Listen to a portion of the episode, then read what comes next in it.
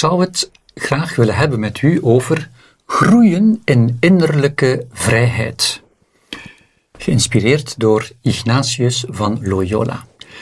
Ik zou dat willen doen door een tekst te bespreken van Ignatius waarmee hij de geestelijke oefeningen, u weet wel zijn bekende gebedstraject, begint. Een tekst die heet Beginsel en Fundament.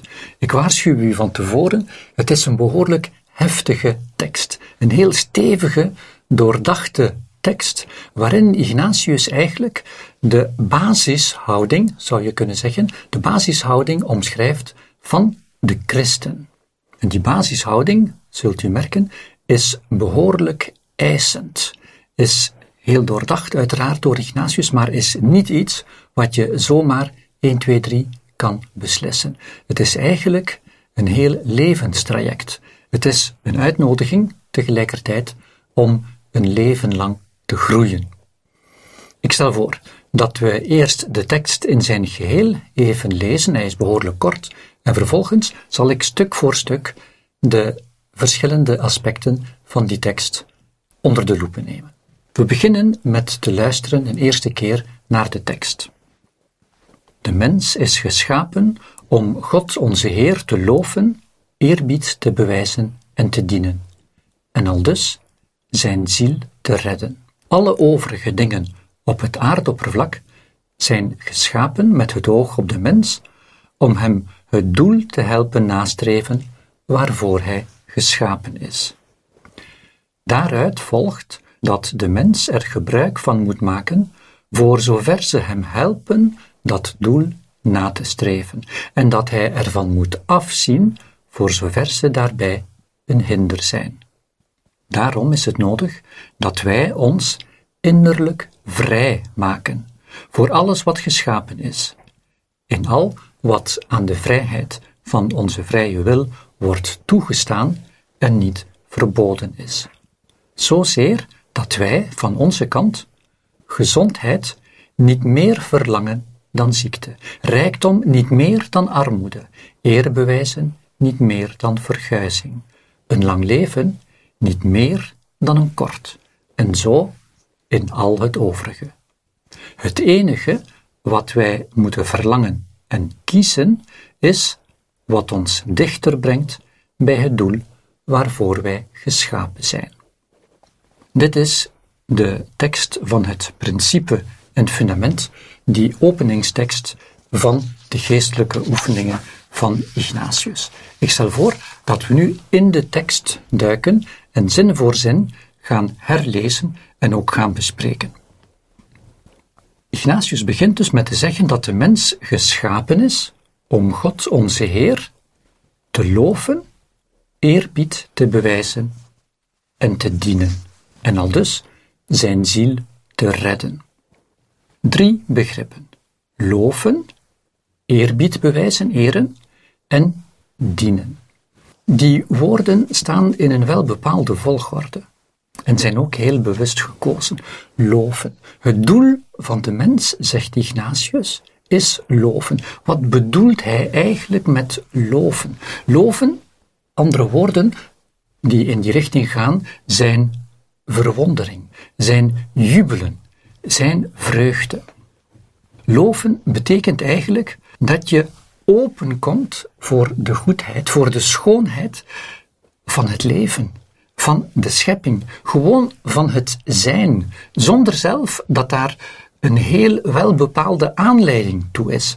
Want dan is het danken. Nee, loven betekent zomaar, ik sta s'morgens op uit mijn bed en ik ben blij, want ik heb een nieuwe dag. Ik mag opnieuw zijn, ik mag opnieuw leven. Denk aan het jonge kind dat op een zomerse dag de tuin inloopt en gewoon blij is omdat er een nieuwe dag is, omdat er de zon is, omdat het mag leven. Basishouding, loven. Die vreugde die in de mens aanwezig is en die eigenlijk iets zegt over de goedheid van God en de blijheid die in ons wordt opgewekt omwille van die goedheid, die schoonheid van het leven, wat er ook gebeurt. En eerbied bewijzen is de tweede stap, eren, betekent eigenlijk dat je de oorsprong van die vreugde, dat je je daar bewust van wordt. Dat je je bewust wordt dat dat zomaar gegeven wordt en dat het komt van die scheppende God. Van die God die het leven geeft. Dat Hij aan de oorsprong ligt van al dat goed, al dat moois. Al die vreugde die op ons ligt te wachten in het leven. En als je, en dan komen we bij de derde etappe, het dienen, als je je werkelijk tot in het diepste van jezelf laat raken door die lofzang, zou ik zeggen, en die ook in verband kunt brengen als gelovige, als christen met God, dan kan er als het ware een tegenbeweging, een antwoordbeweging ontstaan. Dan is er iets in ons, niet omdat ik dat wil, maar gewoon omdat dat naar boven komt, het, het gebeurt, het overkomt me, dat als het ware een antwoord wil geven op dat goede dat mij overkomt. Ik wil zelf in een dienende houding terug iets geven, iets teruggeven van al datgene wat ik ontvangen heb. Ik geef u een voorbeeld. Een tijd geleden stond ik in het Noordstation in Brussel. Het was koud, het was guur weer en het was, het was al donker. De avond was gevallen. En ik ging naar een snoepautomaat, want ik had wat honger. En ik neem mijn geldbeugel uit mijn zak. Ik maak die open om daar een euro uit te halen. En op dat ogenblik komt een meneer naar mij toe en die spreekt mij aan. En ik zag onmiddellijk dat het een bedelaar was. Het was een relatief jonge man, maar zijn voorste tanden waren weg. En hij vroeg mij of ik een geldstukje voor hem had. En ik sta daar met mijn geldbeugel en ik haal daar het eerste geldstuk uit dat ik in de vingers krijg. En het was een geldstuk van 2 euro. En ik geef die 2 euro aan die man. En ik zag dat hij verwonderd was. Hij had zich niet verwacht aan 2 euro. Hij bedankt me en hij schoffelt weg.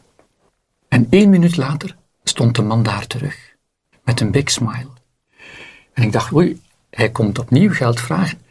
Dat was het helemaal niet. Hij zei, meneer, meneer, u moet niet hier aan de automaat, u moet een beetje verder. Aan de overkant staat een automaat die defect is, en als u daar één geldstuk instopt, dan kunt u blijven vakjes opentrekken. Die man wilde iets teruggeven. Die was blij door, door die kleinigheid die ik voor hem gedaan had. En als antwoord wilde die spontaan iets teruggeven. Wel, dat is de dynamiek die Ignatius ten gronde beschrijft. Die vreugde, die openheid om de schoonheid, eren, beseffen dat die niet uit mijzelf komt, maar dat die schoonheid mij gegeven wordt, dat die goedheid mij zomaar overkomt, en van daaruit die antwoordbeweging naar boven laten komen. Dat is het dienen. En zegt hij, als dat kan gebeuren, dan ga je je ziel redden. En met ziel redden betekent Ignatius natuurlijk, dan sta je in de volheid van het leven. Als je die drie in jou kan laten naar boven komen, kan laten gebeuren, dan word je ten volle mens. En dan kan je ten volle deel hebben aan die scheppende kracht van God in jou. Vertrekpunt, loven, eren, dienen, vertrekpunt van die basishouding die Ignatius beschrijft. We gaan verder. Alle overige dingen op het aardoppervlak zijn geschapen met het oog op de mens, om hem het doel te helpen nastreven waarvoor hij geschapen is. Ignatius gaat hier onderscheid maken tussen middel en doel. Het doel hebben we net gehoord. Dat is dat. Loven, eren en dienen. En zegt hij al de rest. De volledige schepping, is ten gronde een middel, zijn instrumenten die aan de mens gegeven worden om in die dienende, die lovende, die eerbetuigende houding te kunnen komen staan. Je zou kunnen zeggen, ja maar, en de ecologie dan? Is het behoud van de schepping op zich geen doel op zich? Inderdaad. In de christelijke traditie heb je bijvoorbeeld het begrip van het rentmeesterschap, maar in de tijd van Ignatius, in de tijd 16e eeuw, toen deze tekst geschreven werd, was de ecologie eigenlijk nog geen probleem, ook nog geen vraagstuk. Vandaar dat Ignatius deze vraag hier niet uitdrukkelijk in beantwoordt. Maar eigenlijk is die zorgzame wijze om met de middelen, met de schepping om te gaan, voorondersteld in deze tekst, ook al wordt ze door Ignatius niet met zoveel woorden benoemd. Onderscheid middel en doel. En Ignatius gaat daarin verder in dat onderscheid tussen middel en doel door te zeggen: Daaruit volgt dat de mens er van die middelen gebruik van moet maken voor zover ze hem helpen dat doel na te streven. En dat hij ervan moet afzien, voor zover ze daarbij een middel zijn. Klinkt allemaal heel logisch en de hele tekst is trouwens van een heel sterke en eenvoudige logica. Het middel dient middel te zijn en het doel dient doel te zijn. Als Ignatius daar zo sterk de nadruk op legt, zijn daar goede redenen voor. In het bijzonder de middelen bij ons mensen hebben nogal eens de neiging om doel te worden. De middelen kunnen zo'n belangrijke plaats gaan innemen in ons leven dat ze eigenlijk centraal komen te staan. Bijvoorbeeld geld. Geld is een middel, is geen doel op zich, althans niet in de christelijke levensbeschouwing. Maar als het geld van middel doel wordt, dan dreigt het een afgod te worden. En het eigene van afgoden is dat ze, in tegenstelling tot God zelf, het negatieve, de schaduwkant van de mens naar boven roepen. Afgoderij kleineert ten gronde, maakt de mens niet mooi. Afgoderij bevrijdt niet. En het kan heel makkelijk gebeuren dat het middel doel wordt. Als ik een persoonlijk voorbeeld mag nemen, lange jaren geleden was ik advocaat. Ik was een jonge advocaat, jongeman, en ik werkte op een groot advocatenkantoor en soms verdiende ik heel goed mijn brood. En na verloop van tijd merkte ik dat ik eigenlijk soms verlangde naar het einde van de maand. Ik verlangde dat de tijd sneller zou gaan en dat we in het midden van de maand, bijvoorbeeld, al aan het einde van de maand waren. En de reden, begon ik geleidelijk aan in te zien, was eigenlijk heel eenvoudig. Omdat ik aan het einde van de maand door het advocatenkantoor werden mijn honoraria, werd mijn salaris doorgestuurd. En ik vond het heel leuk als ik zag dat mijn spaarrekening, dat die begon te groeien. En daarom wilde ik eigenlijk dat mijn leven sneller voorbij ging, gewoon om meer geld te hebben. Dat ik eigenlijk niet nodig had. Ik had voldoende. Maar ik voelde die bepaalde gevoeligheid bij mezelf voor dat geld. Je kan het, elkeen denk ik, kan daar zelf ook voorbeelden voor vinden. Een typisch en misschien wel tragisch voorbeeld is drankverslaving. Een lekker glas bier, een lekker glas wijn, heel mooi, kan een mooi middel zijn om een aangenaam leven te hebben, om een goede maaltijd te kunnen genieten samen met andere mensen. Maar als de drank, als de alcohol centraal komt te staan, als je verslaafd raakt aan de drank, dan weten we hoe de duivel in de mens naar boven kan komen en hoe de mens ontmenselijkt kan worden als middel doel wordt en daardoor de werkelijkheid als het ware op zijn kop wordt gezet. Onderscheid, heel strikt onderscheid dat Ignatius maakt tussen middel en doel. We gaan verder. Ignatius gaat nu de consequenties trekken uit dit onderscheid tussen middel en doel. En we gaan zien, hij gaat daar heel ver in.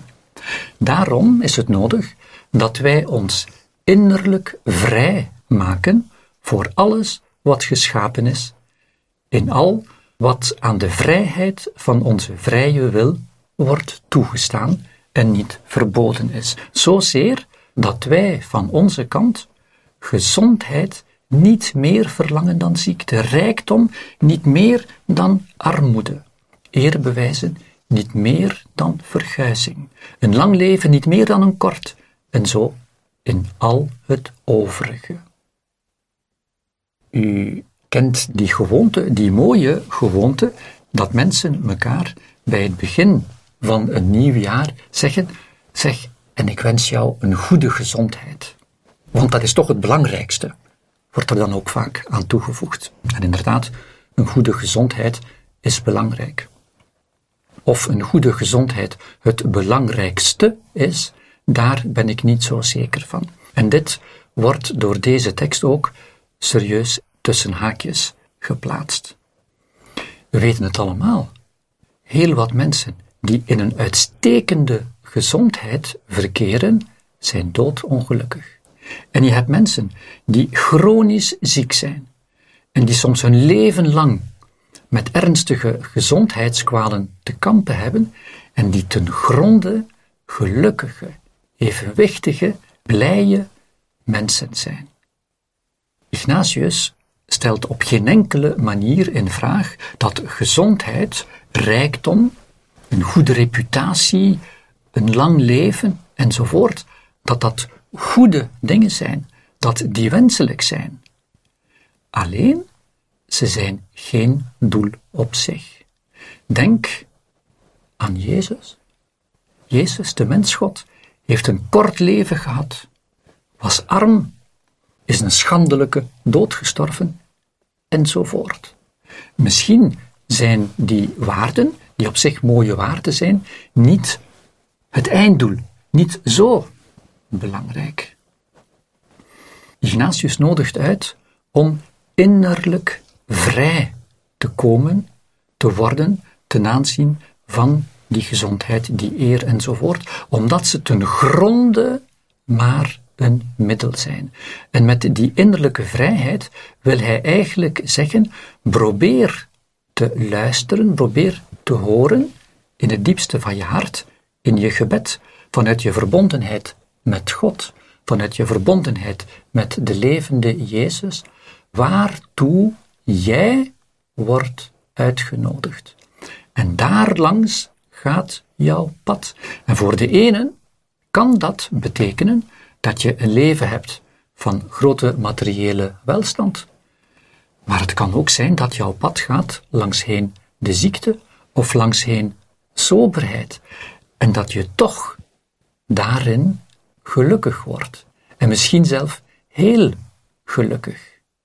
Onderscheid tussen doel en middel.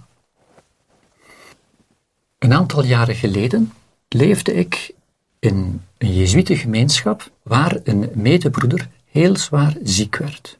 De man was 49 jaar oud, een bonk van een kerel, heel actief, heel gedreven.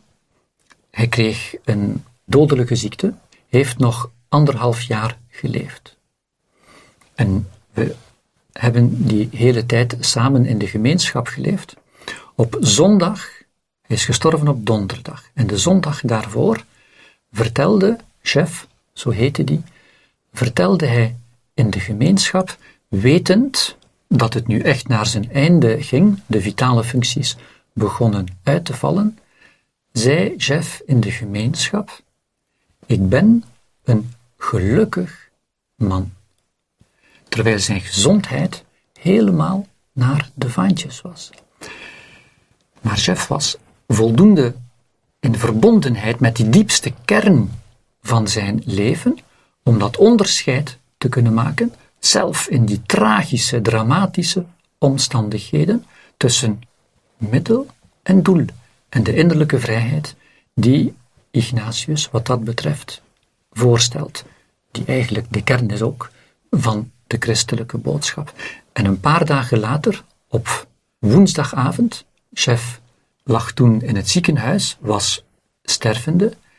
En op woensdagavond heb ik hem de laatste maal gezien. Hij heeft toen de laatste woorden gesproken.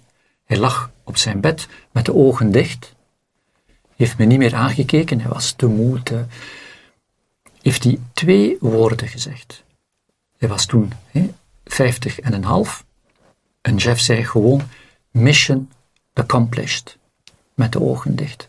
Mijn zending is volbracht. Ik vond dat buitengewoon indrukwekkend en ik breng het in verband hiermee. Die man die amper 51 jaar oud, een kort leven, geen gezondheid, hè, zware ziekte, en die toch kan zeggen: Ik heb een mooi leven gehad. Ik herhaal het, Ignatius nodigt uit om innerlijk vrij te worden ten aanzien van die lijst. Zelf gebruikt hij het woord indifferentia, of letterlijk vertaald in het Nederlands, onverschilligheid. En onverschilligheid niet in de zin van apathie, het kan me helemaal niet schelen, maar wel innerlijke vrijheid.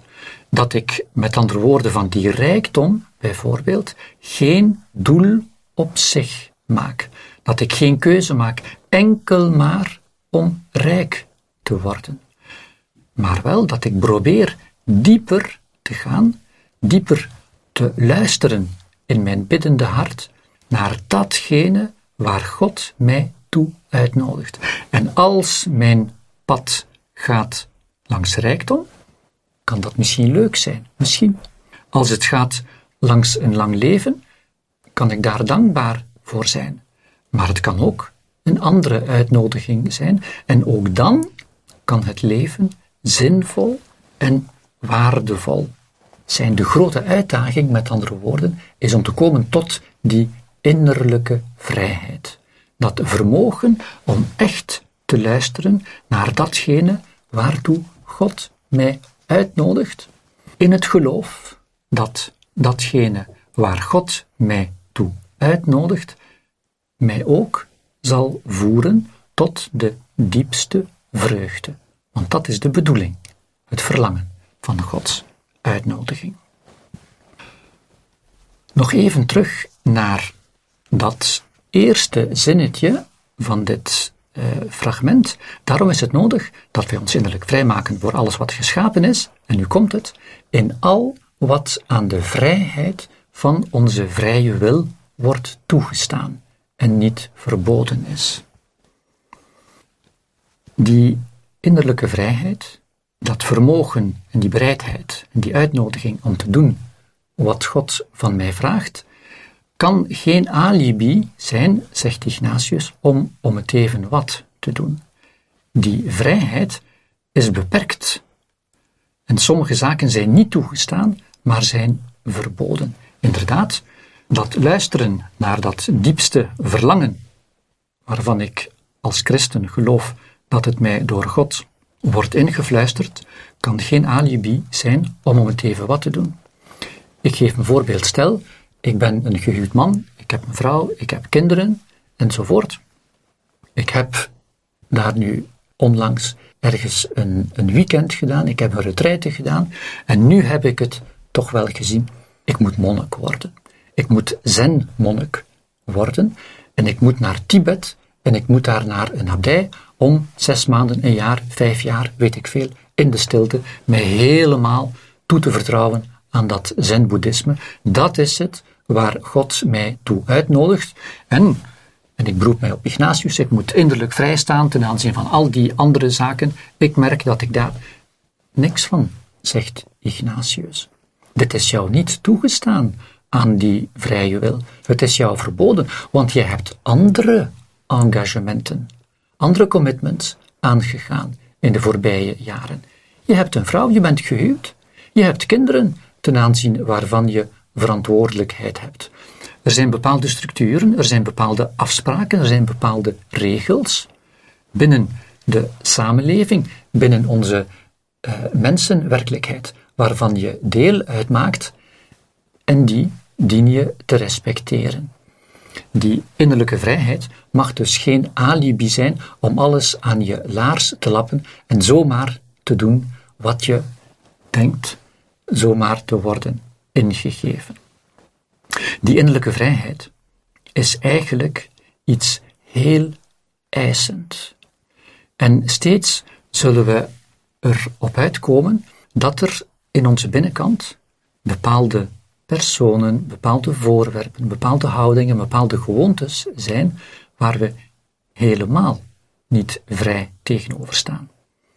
Die worden soms genoemd de witte konijntjes. Wat bedoel ik met die witte konijntjes? Werd me ooit uitgelegd als ik een jonge jezuïet uh, was. Het is als een, een jongetje, of een klein meisje, het doet er niet toe, een klein kind, dat zijn beste vriendje of vriendinnetje thuis mag uitnodigen om te spelen. En het zijn zo'n dikke vriendjes. Het jongetje opent de kast waarin al zijn speelgoed staat en zegt aan zijn vriendje: Kijk, hier staat mijn speelgoed. Je mag er iets uitnemen en het is voor jou. Ik geef het aan jou. Je mag nemen wat je wil, maar mijn wit konijntje mag je niet nemen, want dat is van mij. Daar houd ik zoveel van, dat mag je niet hebben. Wel, we hebben allemaal in onze binnentuin heel wat van die witte konijntjes rondlopen. Ik verlang te luisteren naar u, Heer. Ik verlang innerlijk vrij te zijn. En ik verlang meer vrij te zijn om te doen waar Gij mij toe uitnodigt. Maar daar mag je niet aankomen. Aan die vriendschapsrelatie, aan die hobby, aan die hele mooie kast die ik daar geërfd heb en die een erfstuk is en weet ik veel. Die kan ik niet loslaten. Daar mag je niks omtrent vragen. Inderdaad, wij zijn beperkte mensen en het kan al heel zinvol zijn om in te zien welke die witte konijntjes zijn en hoe je vermogen om te luisteren en om te gehoorzamen aan datgene waar God je toe uitnodigt, hoe die ook beperkt is. door die, Ignatius gebruikt daar een technische term voor, ongeordende gehechtheden. Het is heel goed dat we ons aan mensen, aan dingen hechten, geen probleem. Maar de bedoeling is wel dat die hechting, die band, gericht is uiteindelijk op datgene waar God ons toe uitnodigt. En vaak is het wat ongeordend. En al gewoon het bewustzijn van die witte konijntjes kan ons helpen om er vrijer mee om te gaan en zelf om ervoor te zorgen dat ze verdwijnen. Maar laat ons lucide zijn als dergelijke witte konijntjes verdwijnen, als bepaalde witte konijntjes verdwijnen, binnen de kortste keren zullen er andere witte konijntjes zich aandienen en komen rondhuppelen in onze innerlijke tuin.